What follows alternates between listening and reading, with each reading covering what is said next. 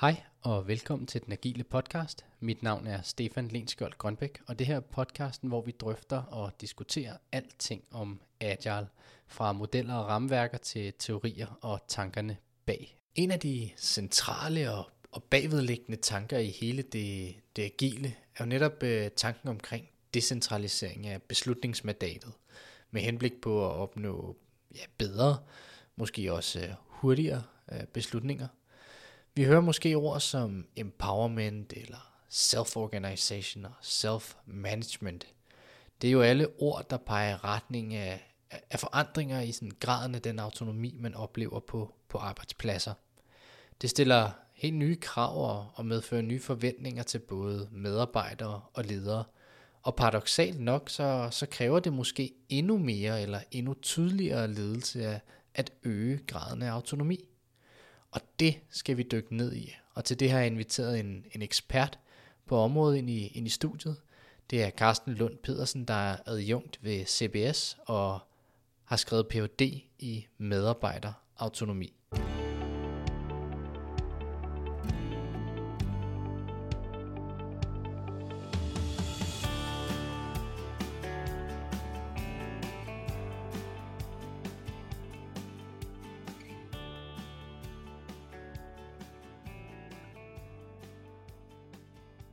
Som et led i min PhD, der havde jeg et længerevarende ophold på MIT Sloan i USA. Mm. Øhm, og man kan sige, det jeg fik ud af at være der, det var, at jeg på første hånd ligesom observerede, hvordan teknologi og forretningsudvikling kan gå hånd i hånd. Og så mm. er der mhm. også nogle lidt andre typer, fordi det er ingeniørtyper. Så mm. der mhm. kan man jo også se, at når man giver nogle mennesker noget autonomi, og de får lov til at, benytte den, og de er kompetente til at øh, benytte den autonomi, de så får, øh, hvad man kan få ud af det. Og det er jo alt fra sjove startups til Nobelpris og, og hvad ved jeg, ikke? Jo. Så, øh, så det, det er absolut, altså det er en bestemt kultur, der var derhen, og det det, som jeg fik ud af det, og det, mm. som har været med til at inspirere mig også mm. i, i mit uh, videre virke, ja. kan man sige. Og hvad, hvad var det, du skrev uh, Ph.D. om? Jeg skrev Ph.D. om uh, den kollektive intelligens, eller den viden, der er hos frontlinjemedarbejdere. Mm. Øhm, fordi tesen var, at øh, frontlinjemedarbejdere, de interagerer med kunder på daglig basis, øhm, og de har en fod ude i markedet, og en anden fod inde i, øh, virksomheden. Og dermed så opbygger de en hel masse viden om, øh, hvad fungerer i markedet, hvad fungerer ikke i markedet, og hvad er det, vi gør i vores processer, som øh, kan være uhensigtsmæssige. Og øh, så øh, puljede jeg den her viden øh, fra frontlinjemedarbejdere hver måned i 18 måneder, hvor jeg spurgte dem om, hvordan øh, forestiller I jer, at øh, det vil gå med den finansielle udvikling, med produktudvikling osv., øh, og så relaterede jeg det til, øh, til øh, forskellige KPI'er i organisationen. Og det jeg fandt frem til, det var, at øh, frontlinjemedarbejdere, de rent faktisk kunne øh, forudsige øh, omsætning, ændringer i omsætninger, øh, ændring i omsætning, og øh, antal indgående kald, øh, blandt andet. Øh, og det kunne de gøre tre måneder forud, at det skete. Så mange ord, hvis man lyttede til frontlinjen, når man puljede den, så, øh, så kunne man øh, rent faktisk øh, opnå et forspring i markedet, som gør, kunne gøre, at man øh, allerede kunne agere på det, inden det, det egentlig hentede, og man kunne læse det på, øh, på bundlinjen. Øhm, det er så senere hen øh, noget, som jeg beskrev som værende et frontlinjeparadoks. Mm-hmm. Øh, og med frontlinjeparadox, der mener jeg, at øh, frontlinjemedarbejdere, det er typisk af dem, der har den første fornemmelse af, at der er noget under opsejling, men det er typisk også dem, der sidst bliver hørt i en organisation. Så hvordan overkommer man det? Altså en måde er jo, at man puljer den her viden og præsenterer det til ledere. Øhm, af forskellige årsager, så er de ikke altid interesseret i at lytte til den viden, især hvis øh, den kritiserer ledelsens strategi. Øhm, og dermed så kan en bedre løsning på det frontlinjeparadoks, det kan være, at, øh, at man simpelthen giver medarbejderne autonomi. Fordi så kan de handle på den viden, som, øh, som de har. Fordi typisk er det faktisk ret opdateret viden, de ligger inde med. Så hvis man giver medarbejderne autonomi, så kan organisationen som helhed være mere agil. Spændende. Ja. Spændende. Genialt og god uh, segue over til uh, noget af det, vi skal tale om i dag, nemlig det her sådan, medarbejderautonomi. Og nu begyndte du allerede at, at kratte lidt i overfladen af, hvad, hvad er det for noget? Kunne, kunne du prøve at hjælpe os lidt med sådan en, uh, prøve at definere det på en eller anden måde? Hvad, hvad, hvad er det?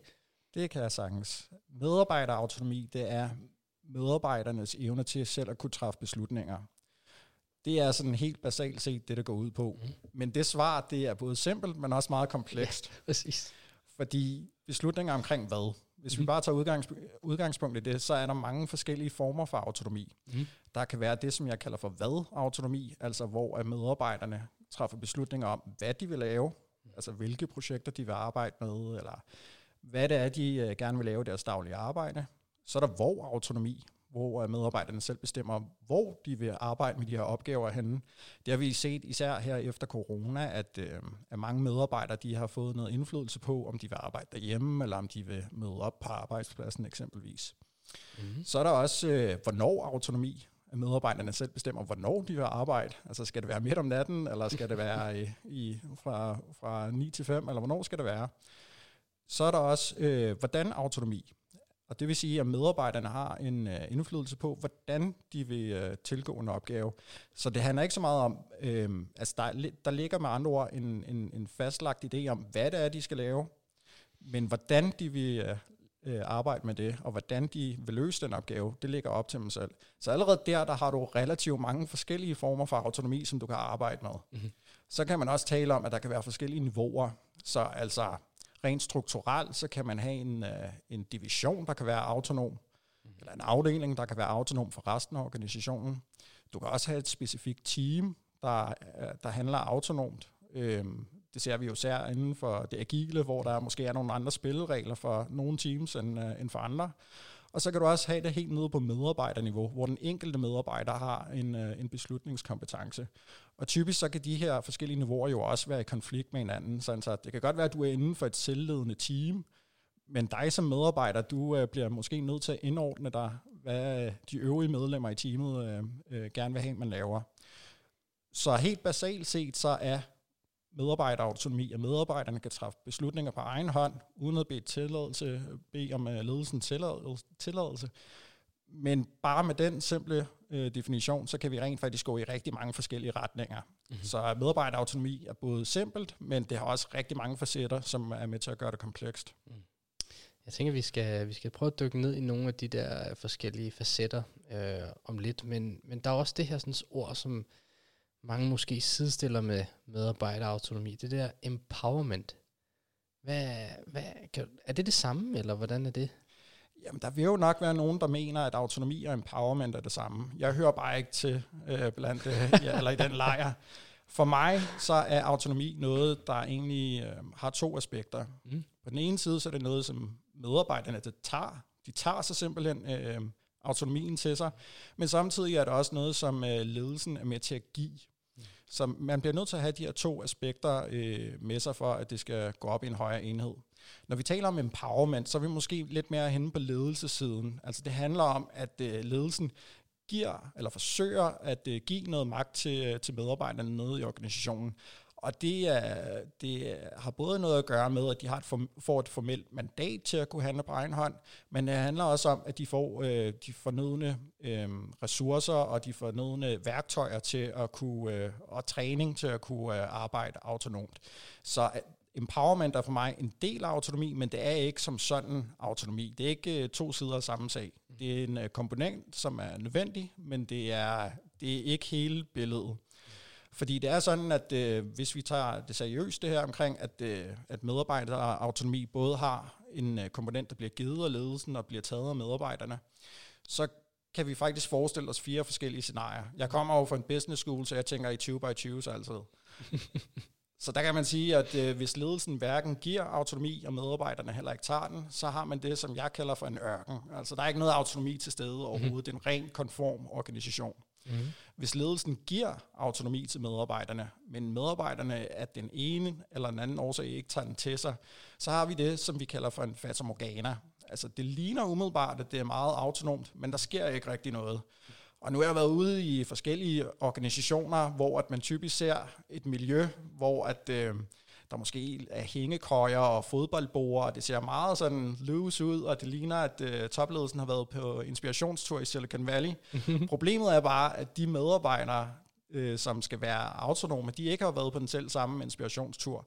Og derfor så handler man, øh, ender man op med et mismatch mellem, øh, hvad man forestiller sig, man vil bygge, øh, og den kultur, der rent faktisk er til stede i organisationen. Og det er det, som øh, jeg kalder for et Fata Morgana-scenarie. Øh, så er man, kan man også være i den situation, at medarbejderne faktisk har den fornødne evne og vilje til at være autonome, og de derfor tager autonomi til sig. Men det er ikke noget, som bliver givet af ledelsen. Og så er vi ude i det, som jeg kalder for grundvand. Og i et grundvandsscenarie, så sker der rigtig meget. Det sker bare under overfladen. Så det er her, hvor medarbejderne handler autonomt på egen hånd, men det hele det sker øh, lidt, lidt, lidt, lidt væk fra, fra topledelsen af. Og dermed så er der en hel masse skuffeprojekter eller kælderprojekter, som, øh, som lever og er med til at drive udviklingen og organisationen. Problemet er bare, at de kommer aldrig ind i en formel proces. Og endelig så har vi det scenarie, som øh, jeg bedst kan lide, og det hedder øh, for Oase, eller det kalder jeg for Oase, og det er, hvor øh, topledelsen både giver medarbejderne autonomi, altså empowerment, samtidig med, at medarbejderne tager den til sig. Og det er der, hvor at det, at det, det begynder at blive rigtig interessant, fordi så har du både den fornødne ledelsesmæssige komponent, som er med til at give noget struktur og noget, nogle rammer, samtidig med, at du har medarbejderne med ombord. Og det, øh, det, kan tage, det kan se ud på mange forskellige måder. Altså det kan jo være en del af dagligdagen af kulturen, at sådan er det her på det her sted. Det kan også være, at man simpelthen bare afsætter øh, en dag om ugen til, at øh, her må jeg arbejde med jeres egne projekter, eksempelvis. Mm. Et, øh, et meget interessant eksempel, som jeg godt kan lide at bruge i min undervisning, det handler om, øh, om Noma. Og Noma er jo meget sådan en kæft retning øh, kultur. Det bliver det simpelthen nødt til at være, for at de kan producere. Men de har trods alt øh, en dag om ugen, der hedder Saturday Night Projects, hvor de har en slags hack- hackathon, mm. hvor at, øh, at, øh, at øh, de her forskellige øh, medarbejdere, de får lov til at præsentere en ret, de har gået og øh, arbejdet på og grublet lidt over i det daglige. Og så får de simpelthen feedback af René Retebi og resten af, af de mere erfarne gutter, Øh, og de, altså 99% af tiden bliver de nødt til at arbejde meget konform, men den ene dag om ugen, hvor de får lov til at være lidt autonome midt om natten, når alle gæsterne er gået hjem, det er simpelthen noget af det, som er med til at, at give noget energi og give noget øh, kreativitet i organisationen også, eller i øh, hos Noma. Så med andre ord, der er en ledelsesmæssig komponent og en medarbejderkomponent, og empowerment er for mig kun noget, der går på, øh, på lederkomponenten. Men for at få reel autonomi, for at få en oase, og ikke bare et fatamorgana-scenarie, så bliver vi simpelthen nødt til også at få medarbejderne med ombord. Så vi har brug for mere end, øh, en udelukkende ledelsesmæssig empowerment. Hmm. Spændende. Og nu har du, øh, synes jeg, øh, vi begynder at se sådan en, en definition af nogle forskellige områder, og, og også nogle... Øh, forskellige grader af medarbejderautonomi. Øhm, så så vi, øhm, vi kunne måske også prøve lige at tale om øh, den her sådan, oase, som jeg tænker, det, det er nok den alle, når vi taler om det, gerne vil opnå og gerne vil hen til. Øh, hvorfor er det egentlig, at, øh, at det her er et, er et søgt sted, eller et sted, gerne, virksomheder gerne vil hen nu? Hvad er det for nogle fordele, man kan få ud af det?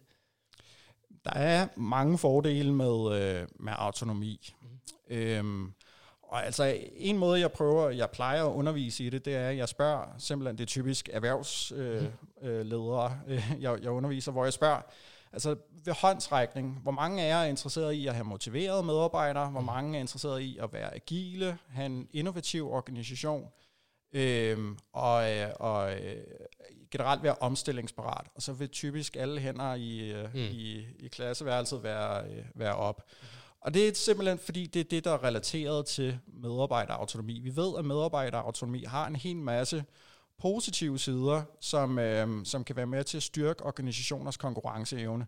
Det kan give, øh, det kan give øh, motiverede medarbejdere, det kan være med til at øge deres kreativitet, og dermed indirekte også øge innovationsevnen i organisationen. Hvis det er de medarbejdere, der er tættest på kunderne, eller er tættest på produkterne, man er i gang med at udvikle, der har magten, så skal de også skal de ikke forbi så mange øh, organis- organisatoriske lag eller mm. ledelsesmæssige processer, som gør, at de alt andet lige også kan komme hurtigere ud i markedet med det. Mm. Så der er også noget med omstillingsparathed og noget med agilitet generelt, som gør, at, øh, at, øh, at det er en god ting. Men når det så er sagt, så er det, vil jeg også mene, at det er en myte, øh, der er, og som eksisterer øh, ude i, i erhvervslivet, om at vi bare skal være autonome alle sammen. Mm. Jeg kan sagtens finde masser af eksempler, hvor det ikke er særlig godt at være autonom. Ja. Eksempelvis, hvis jeg skal ud og flyve, øh, og jeg tror, at jeg skal til Berlin, så foretrækker jeg alt andet lige, at piloten ikke øh, ændrer kurs til Dubrovnik eller et andet ja. sted. Altså, det er jo et, et lidt ekstremt eksempel, men det er trods alt et eksempel, der viser, at i nogle brancher, så er det meget vigtigt, at man er konform af sikkerhedsmæssige årsager, eller fordi at det er en del af det øh, værditilbud eller value proposition, som organisationen har.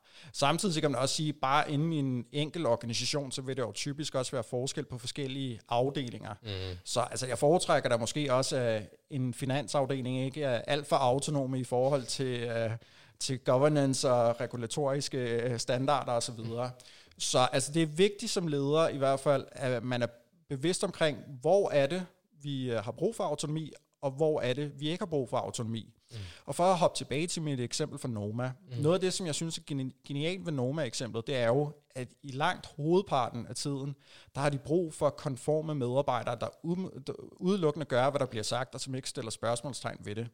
Ved at de åbner op for et lille autonom rum, en enkelt dag om ugen, mm. en enkelt aften efter gæsterne er gået hjem, så giver de både medarbejderne autonomi, men de sørger også for, at de er konforme den resterende tid, øh, de er hos Noma.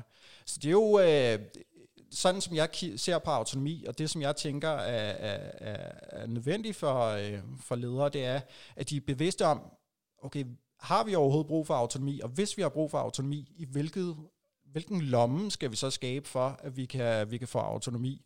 Og er det blandt alle medarbejderne, eller er det kun i en enkelt øh, afdeling eksempelvis, at, øh, at man har brug for det? Så altså, jeg har også været i organisationer, hvor at, øh, så har de måske haft en, øh, en øh, software øh, udvik- øh, afdeling med softwareudviklere, hvor at man gjorde meget ud af at have Oase. Øh, man havde blandt andet hackathons og så videre. Man havde generelt meget øh, selvbestemmelse. Men så har de samtidig så også øh, øh, haft andre afdelinger, hvor det har været ren ørken. Øh, organisationen som helhed var rent faktisk også en, øh, en ren ørken. Øh, og så har man måske også haft nogle, øh, nogle arbejdsgrupper, der mindede lidt om Fata Morgana osv. Så, så der kan godt være en stor diversitet i de her scenarier internt i en organisation, og det er også helt fint, fordi at øh, man skal i hvert fald bare være bevidst om, hvad er det, man vil have ud af autonomi, og øh, er det noget for os i vores branche, og er det noget i, øh, for, de, for alle medarbejdergrupper i organisationen? Og det vil det typisk ikke være. Så det handler om en bevidsthed omkring, hvornår det virker, og hvornår det ikke virker. Mm-hmm.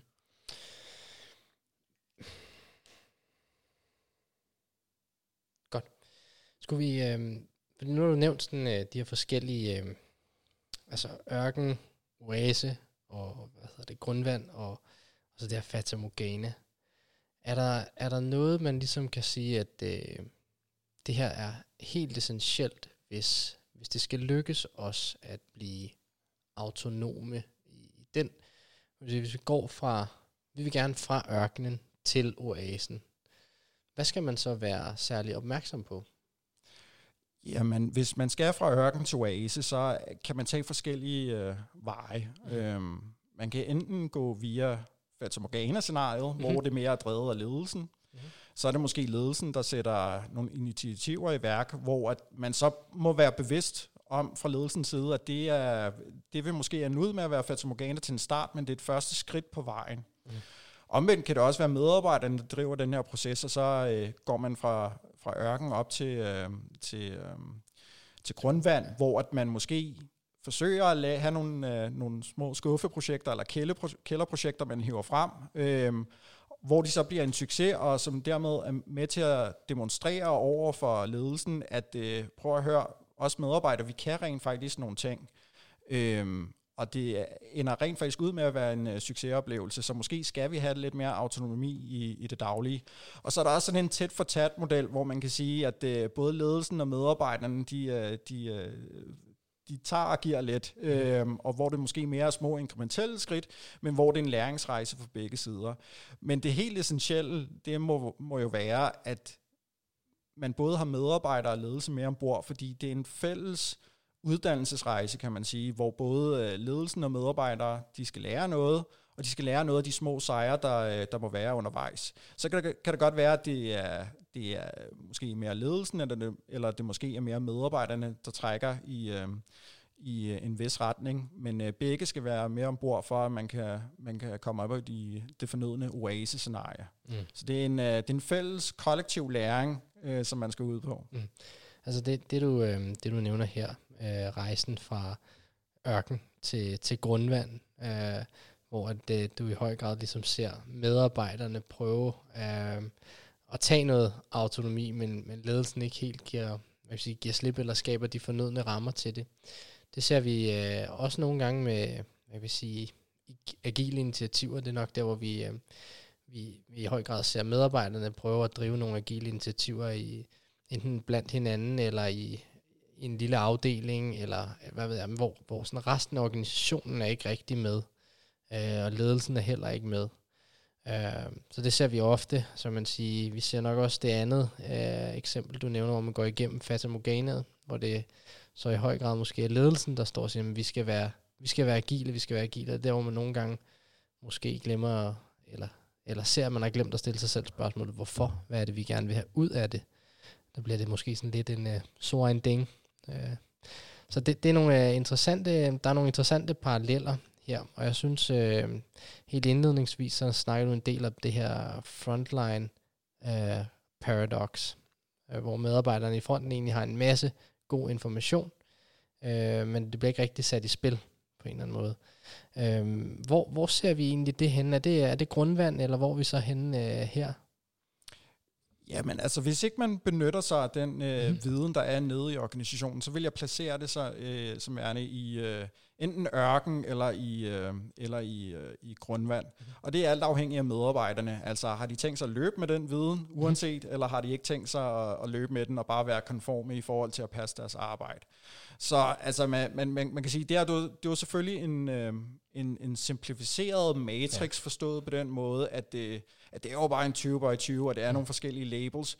Men omvendt, så er det også en matrix, jeg har prøvet på rigtig mange organisationer efterhånden, og jeg ved, at uh, der findes rigtig mange gode eksempler mm-hmm. i, uh, i alle kasser, og det er med til at give et sprog omkring uh, nogle ret komplekse dynamikker, fordi det her det handler jo både om kultur, men det handler også om uh, ledelse og hvordan de to interagerer. Øhm, og der, øh, der er det i hvert fald min erfaring, at bare det, at man har et sprog til at kunne tale om de her ting, så kan man rent faktisk komme ret langt på ens rejse mod at, at planlægge, når, hvad skal vi så gøre for at arbejde helt, øh, helt øh, øh, målrettet øh, med de her ting. Og det er også en en, en anden myte, jeg lidt ser i, uh, ja. i, uh, i praksis, det er, at uh, der er sådan lidt en, en simplificeringsmyte omkring medarbejderautonomi. Man taler omkring uh, medarbejderautonomi, eller empowerment for den mm. sags skyld, som om, at det bare er én ting. Det er bare at give, uh, mm. give uh, medarbejderne lov til at bestemme selv. Og her kan vi jo se, at der er i hvert fald fire forskellige scenarier som minimum, som, man, øh, som også er indbyrdes afhængige, og som man øh, bliver nødt til at arbejde med. Så med andre ord, medarbejderautonomi er ikke en simpel ting. Det er faktisk en ret kompleks ting, og det kræver, at du får et sprog, som øh, kan gøre, at du kan arbejde konstruktivt med det. Ja, vi har, vi har jo øh, sådan i, i det agiles ånd, når du, når du nævner om det her, sådan så, øh, Frontline Paradox, øh, der har vi en, øh, en ret kendt agil coach, øh, Henrik Niberg, der siger, the most expensive gap you can have in your organization is between the users and the makers. Så noget, som øh, vi er utrolig opmærksom på, når vi kommer ud og hjælper sådan nogle øh, produktudviklingsteams med altså helt banale spørgsmål med, hvem, hvem er det, jeres bruger er, hvem er det, der bruger jeres produkt, hvordan er det, de, de bruger det, og hvordan får I egentlig feedback øh, fra dem? Det, det er nogle af de spørgsmål, vi helt, øh, altså helt essentielt bruger lidt rundt i, for netop at reducere det der gap.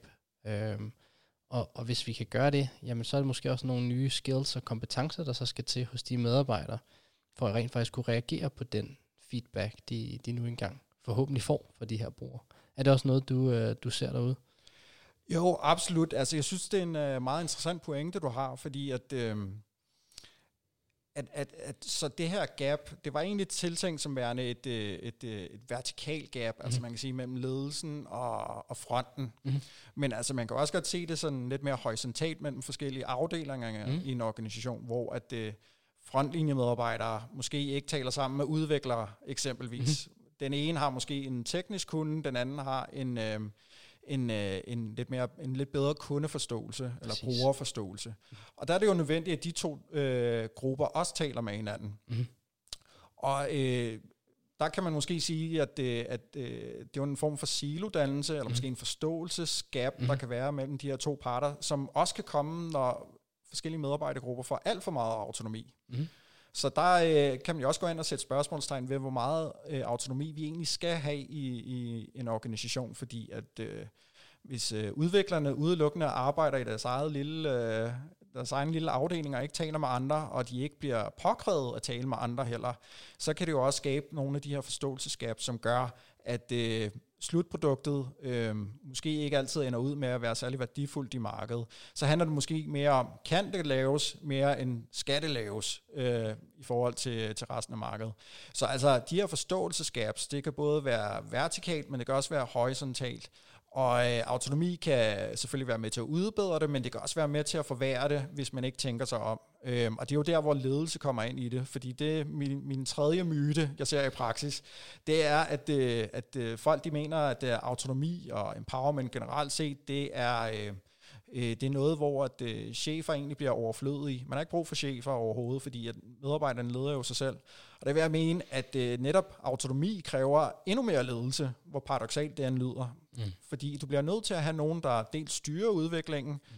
men også skaber de fornødne rammer til, at det giver værdi i en forretningsmæssig kontekst. Mm. Og her lyder det jo til, at øh, der åbenbart er noget noget, noget silo-dannelse i organisationen, der gør, at man simpelthen har brug for en leder, der sørger for, at de her parter, de, øh, de, øh, de øh, mødes, og de taler med hinanden. Eller måske ikke leder, men en styrer af en art, der kan være med til at guide processen. Så, øh, så det er absolut øh, derfor, man bliver nødt til at, at tænke øh, meget øh, kritisk, men også øh, meget øh, øh, bevidst omkring, hvad autonomi kan og hvad det ikke kan.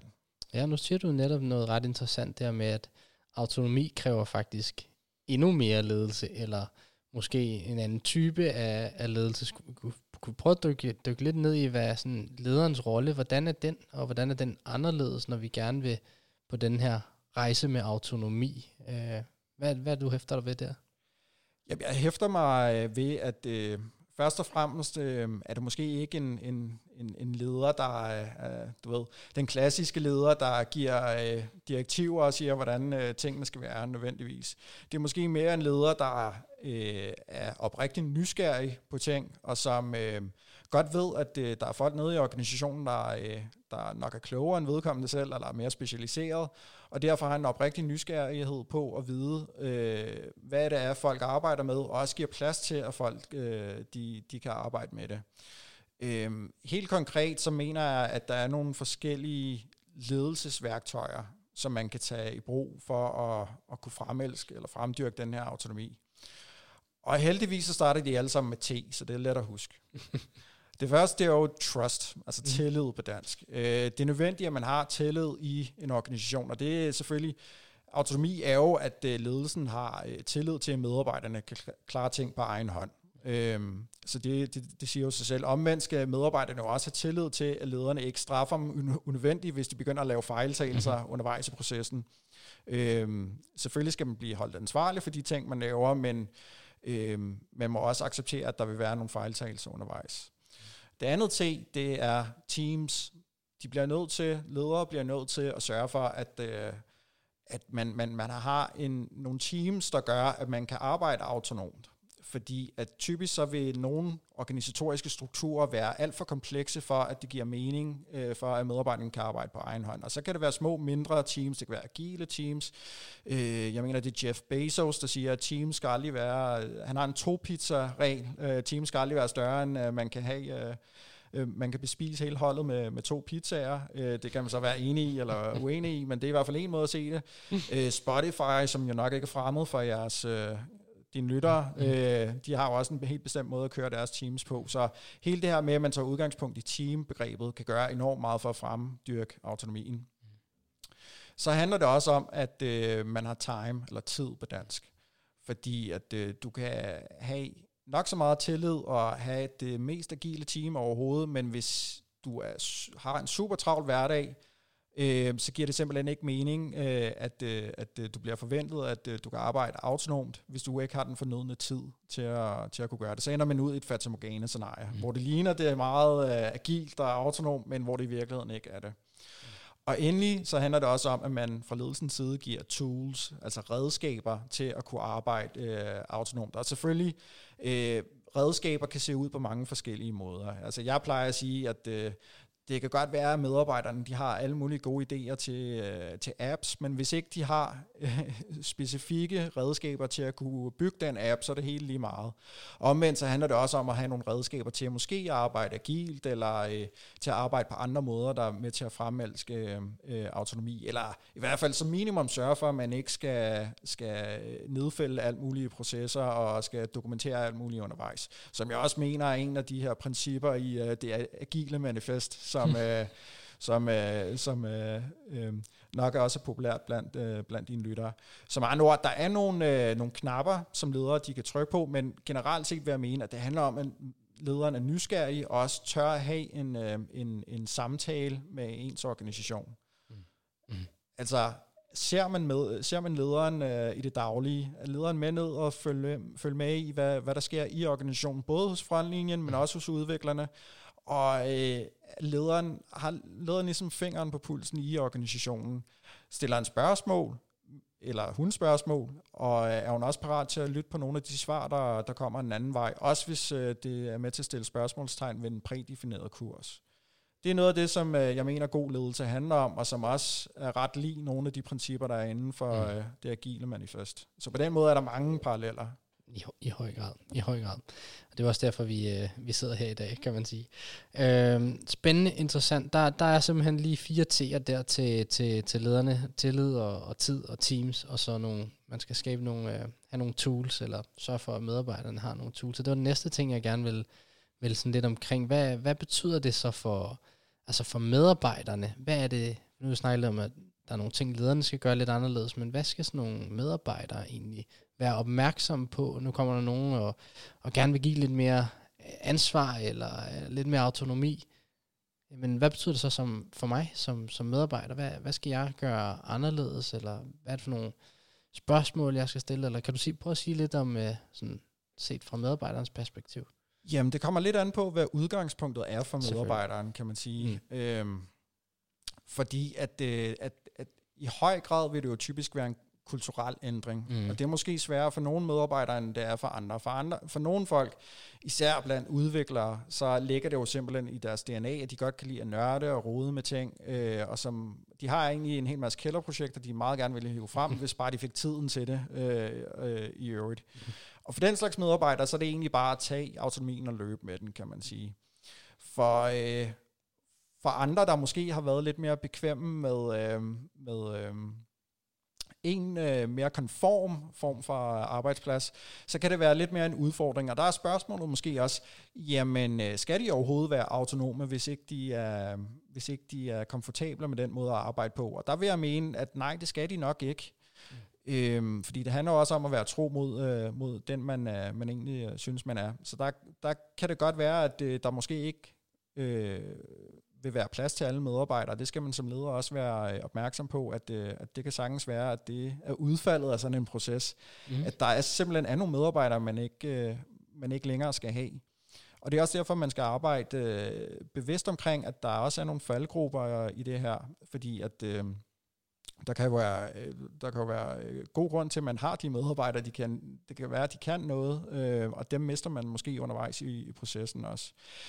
Men altså generelt set, så ved vi fra forskning, at øh, mennesker har det godt med autonomi. Øhm, de, mennesker har det godt med autonomi, fordi vi alle sammen har et iboende behov for at lidt at kunne være vores egen herre i, øh, eller egen herre i, øh, i vores dagligdag. Mm. Øh, det er relateret til indre motivation og generel arbejdsglæde. Øh, og så de fleste af os, vi, vi kan godt lide øh, autonomi, men det er også forbundet med, le, med lidt stress, kan man sige, fordi mm. at øh, med autonomi kommer der jo lige pludselig også bekymring om øh, valg. Øh, mm. Man får lige pludselig mange valg, øh, og for nogle mennesker kan det virke meget overvældende, og det kan også virke meget stressende. Samtidig kommer det også med en del ansvar, Altså, vi har jo i Danmark den her talemåde med frihed under ansvar, og altså, det kan godt være, at du selv kan træffe en beslutning, men du må så også regne med, at du selv bliver stillet til regnskab for udfaldet af den beslutning.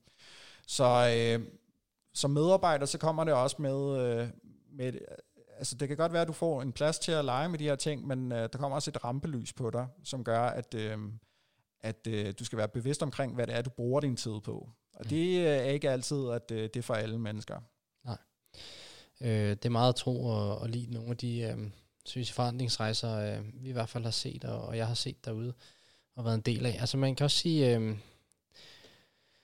der er også noget med det her, du nævner med, at, at, at, at ligesom øh, gå fra, fra at være sådan i en, i en konform øh, situation, hvor at, øh, eller, eller kontekst, hvor man måske er meget sådan, øh, hvad vil sige, individpræget, og så, så kommer over og arbejde i nogle teams. Øhm, og øh, det ligger jo sådan i, i mange af de agile rammeværktøjer, en agile måde at arbejde på, også at man arbejder i teams, men, men nogle gange så er det også lidt som om, at øh, der er nogen, der lidt tager for givet, at både at vi, vi kan arbejde i teams, og at vi gerne vil arbejde i teams. Og det er jo lidt det, du sådan øh, hovedet på sømmet her i forhold til at sige, det, det er jo faktisk ikke alle, der, der kan og vil øh, det. Og det skal man være opmærksom på som, øh, som leder på sådan en øh, forandringsrejse som det her. Mm. Absolut. Uh, altså, man skal være opmærksom på, at det ikke alle medarbejdere, de er ens, så det er ikke nødvendigvis alle, der vil, øh, der vil synes om den her måde at arbejde på. Og så samtidig også være bevidst omkring, hvad er det for noget, en form for autonomi, som, som man forsøger at give, og være helt eksplicit omkring det. Fordi hvis du arbejder inden for en agil ramme måske, så er der mm. måske ikke så meget, øh, hvordan autonomi, fordi hvordan vi løser den her opgave, den er givet, den kan der ikke stille spørgsmålstegn ved. Men så er der måske noget åbenhed omkring noget, øh, noget hvad autonomi, altså hvad er det, vi så skal ende ud med, det, helt, det ligger op til jer. Mm. Så altså, denne her samtale, som lederen alt andet lige skal tage med sin organisation, den handler jo også om, at lederen er sådan eksplicit omkring, hvad er øh, de her hjørneflag? Hvad, det kan godt være, at I kan spille frit inde på banen, men hvor er hjørneflagene, og hvor skal I ikke træde ud? Øhm, mm. Så hvis man kan det, så er man allerede langt øh, på rejsen i øh, min optik. Ja, nu siger du netop det her med, at det, det, er, det skal lederen øh, sørge for at få ligesom kridtet banen op, ikke? Det jo lidt det, du siger. Øh, hvad er det for nogle øh, rammer? Vi kan se prøve at tage nogle, altså det var meget skægt at prøve at tage nogle eksempler på, hvad kunne være nogle, nogle rammer, som man stiller op som leder. Men jeg synes også, at der er, øh, når vi nu siger, at vi går over og arbejder med teams, og i, i til den agile verden, så siger vi jo sådan selvorganiserende teams, og hvis vi tager et af de agile rammeværktøjer, der hedder Scrum, så, så vil vi jo også rigtig gerne sådan fjerne øh, mange af de rollebeskrivelser, som der også er i en typisk konform øh, organisation. Så det, det er dig, der tester, du er den, der tester, og det er dig, der er arkitekten, det er dig, der øh, laver sådan løsningsbeskrivelsen, og det, det, det, det er dig, der skriver koden osv. Nu går vi over til nogle lidt mere selvorganiserende teams. Rollerne bliver lidt mere flydende. Hvem er det, der gør hvad? Vi vil gerne måske have lidt bredere øh, profiler og muligheder. Selv, altså derinde, inden for kridtstregerne, kan der jo også opstå en masse øh, frustration, eller spørgsmål, eller undren, usikkerhed, når vi netop snakker autonomi. Så det var måske sådan to ting, vi kunne prøve lige at, at dykke ned i. Skulle prøve at tage, og jeg ved ikke, om du sidder med et, med et eksempel på nogle rammer, som en leder kunne, kunne sætte op. Hvad, hvad kunne det være? Jo, men altså, øh, eksempler på nogle rammer, som man mm. kunne sætte op. Altså, det kan jo... Øh, noget af det, som jeg har set virke, det er, at man bruger simple regler. Ja. Og simple regler, det kan jo være, at, øh, at øh, det er frit for jer at, at gøre lige, hvad der passer jer, men I har de her tre regler, som I skal efterleve. Mm. Og så kan der være tre regler. Øhm, det, kan, det kan også, jeg har set nogle steder, så har de haft øh, regler for, øh, hvornår øh, man skal sætte øh, projekter i verden, eller hvornår man skal nedlægge et projekt. Og det handler lidt om, hvilke medlemmer, der frivilligt øh, på egen basis vælger at, at arbejde på de projekter eller ej. Så altså, der kan man sige, at øh, der forsøger man i hvert fald at give nogle, nogle regler til, hvordan man kan arbejde med, øh, med det her autonomi. Mm. Og det, der er interessant, det er, at det, det lyder jo... For nogle mennesker vil det jo nok lyde lidt øh, paradoxalt, at regler kan være med til at fremelske autonomi. Mm-hmm. Men de skal egentlig bare tænke på uh, hele dogmebevægelsen, der har været i Danmark, især i, uh, du ved, sådan i starten af 90'erne, hvor at, uh, man havde de her dogmefilm. Mm-hmm. Og det, der skete, det var jo, at man lavede et manifest med nogle forskellige regler for, hvordan man burde lave film. Det var, jeg kan ikke huske, hvor mange, jeg tror, det var 10 bud eller noget i den dur. Mm. Og det, der skete, det var rent faktisk, at der kom den mest kreative periode, der nogensinde har været inden for dansk film, øh, hvor at vi vandt priser i øst og vest øh, i, om, li, omkring i verden. Og det var fordi, at du havde nogle få simple regler, der var med til at sætte retningen for organisationen, mm. eller for, for branchen var det jo mm. nok nærmere, samtidig med, at det gav en enorm meget frihed, at man kun skulle forholde sig til de her tre simple regler, eller fem simple regler, eller ti simple regler. Det er også vigtigt, at det ikke tager overhånd. Men mm. hvis man har få simple regler, eller få øh, guidelines, så kan det gøre, at man rent faktisk får endnu mere frihed, hvor paradoxalt det end lyder. Mm. Så synes jeg, du siger noget meget interessant omkring roller, også at øh, man kan være med til at definere forskellige roller. Og det er jo måske nok det manglende øh, autonomielement, jeg ikke havde med i min gennemgang, nemlig hvem autonomi. Ikke? Mm-hmm. Altså, at øh, man selv har autonomien til at definere, hvem man skal være i situationen. Men så er vi også tilbage til det, jeg taler om med forskellige niveauer, hvor at øh, der måske kan være et, øh, et, øh, et forhold eller et misforhold mellem øh, den individuelle autonomi og gruppedynamikken, altså gruppeautonomien. Så det kan, det kan godt være, at du har et selvledende team, men det, på individniveau kan der jo være masser af forskellige konflikter, som gør, at, øh, at, øh, at hvis man selv kunne vælge, ville man nok have haft en bestemt rolle, øh, men fordi at det er gruppe, gruppen som helhed, der bestemmer, så ender man ud, måske ud med noget, hvor man egentlig rent faktisk ender med at være konform i forhold til de øvrige medlemmer i gruppen. Og der kan vi også se nogle af de her dynamikker i spil, hvor at, øh, at autonomi ikke bare er særlig, øh, nødvendigvis særlig simpelt. Altså der kan godt være forskel på forskellige niveauer. Og det er ikke noget, som man bare kan løse øh, sådan meget simpelt, men man kan være bevidst omkring det og arbejde med det øh, som øh, konsulent eller som leder, øh, hvis man ønsker at, at fremelske noget af den her autonomi. Ja, som du siger, der, der, er, mange, øh, der er mange dybder øh, i det. Altså, du har, du har nævnt øh, hvad, hvor, hvornår, hvordan, og så fik vi bygget hvem ovenpå også. Øh, og og der, det påvirker jo alle de her forskellige øh, roller, som vi har talt om, både ledelsen og, og medarbejderne i høj grad. Jeg ved ikke, om der sådan afslutningsvis måske er nogle, altså et, to, tre gode råd, man kan, man kan give, hvis man står som, øh, som leder og medarbejder som organisation og kigger øh, ud på, på rejsen her. Hvad skal man være, hvad er det, man skal være opmærksom på, eller hvad er det, man skal gøre? Jamen, det første, man kan gøre, det er jo, at, øh, at til de her HV-spørgsmål, du havde, at man også ja. stiller sig, hvorfor? Hvorfor vil vi overhovedet ja. have autonomi, og, øh, og, og er det noget, som øh, vi vil have over det hele, eller i, kun i nogle små øh, afdelinger, eller måske kun noget af tiden? Og være bevidst om sit hvorfor. Fordi hvis man har et hvorfor, så kan man næsten klare et hvilket som helst hvordan. Ikke? Mm. Øhm, så det er en ting, man øh, bør være bevidst om. Så bør man også lave en ordentlig diagnose af en situation. Altså, hvor er vi henne? Er vi i en ørken? Er vi i en fatamorgana? Er vi i, i, i uh, grundvand eller i en oase? Og er der forskel på afdelinger i den her organisation? Så kan man øh, spørge sig selv om, okay, nu ved vi, hvor vi er. Hvor vil vi så gerne hen? Vi antager, for the sake of the argument, at vi gerne vil hen til øh, oasen. Det var fint nok. Hvilken vej skal vi så tage? Øh, det kan jo være via grundvand, det kan også være via, via fatamorgana. Og hvad er det, vi, det er jo typisk ledere eller konsulenter, øh, øh, så kan gøre for at fremelske den, øh, den rejse?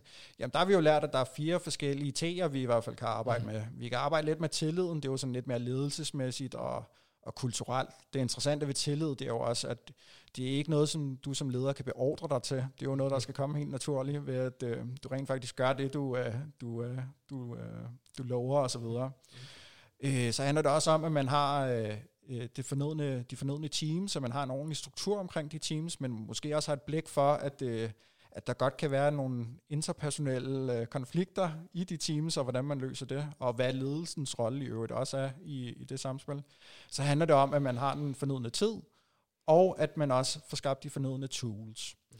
Det er selvfølgelig øh, meget brede kategorier, men jeg vil mene, at inden for alle dem her, så kan man jo stille sig spørgsmålet, hvad er det, vi gør i dag, som egentlig fungerer, som vi gerne vil bibeholde? Mm. Øhm, og hvad er det, vi skal stoppe med at gøre? Og endelig er der nogle ting, vi skal begynde med at gøre, for at vi kan komme videre på den her rejse. Og gør du det, så har du egentlig en, et rimelig komplekst øh, overblik over, hvor du er henne, hvor du gerne vil hen, og en, øh, en øh, 12-punktsplan for, hvad du kunne øh, gøre for øh, at, at komme videre på rejsen. Det er selvfølgelig lidt øh, grove rammer, men øh, det er i hvert fald nok til, at man øh, kan få sådan nogle øh, gode snakker ude i organisationen omkring det her, og måske kan lave det, det indledende arbejde på, på rejsen. Ja, og nu sagde du selv øh, 12-punktsplan, men jeg, men jeg synes også, du sagde nogle simple regler. Så måske også et eller andet med til sidst at prøve at, at kode det ned til, hvad er sådan essensen af den autonomi, vi gerne vil se i vores kontekst. Hvad er det, det er, og, og hvorfor?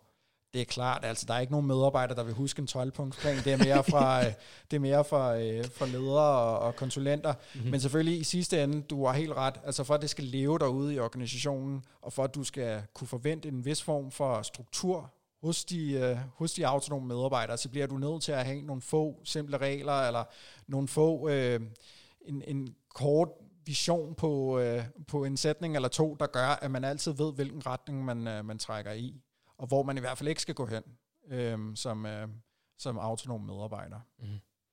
Fedt. Tusind tak, fordi du kom. Det var en kæmpe fornøjelse. Det var helt min fornøjelse. Vi ses du. Det gør vi i hvert fald. Hej. Hej.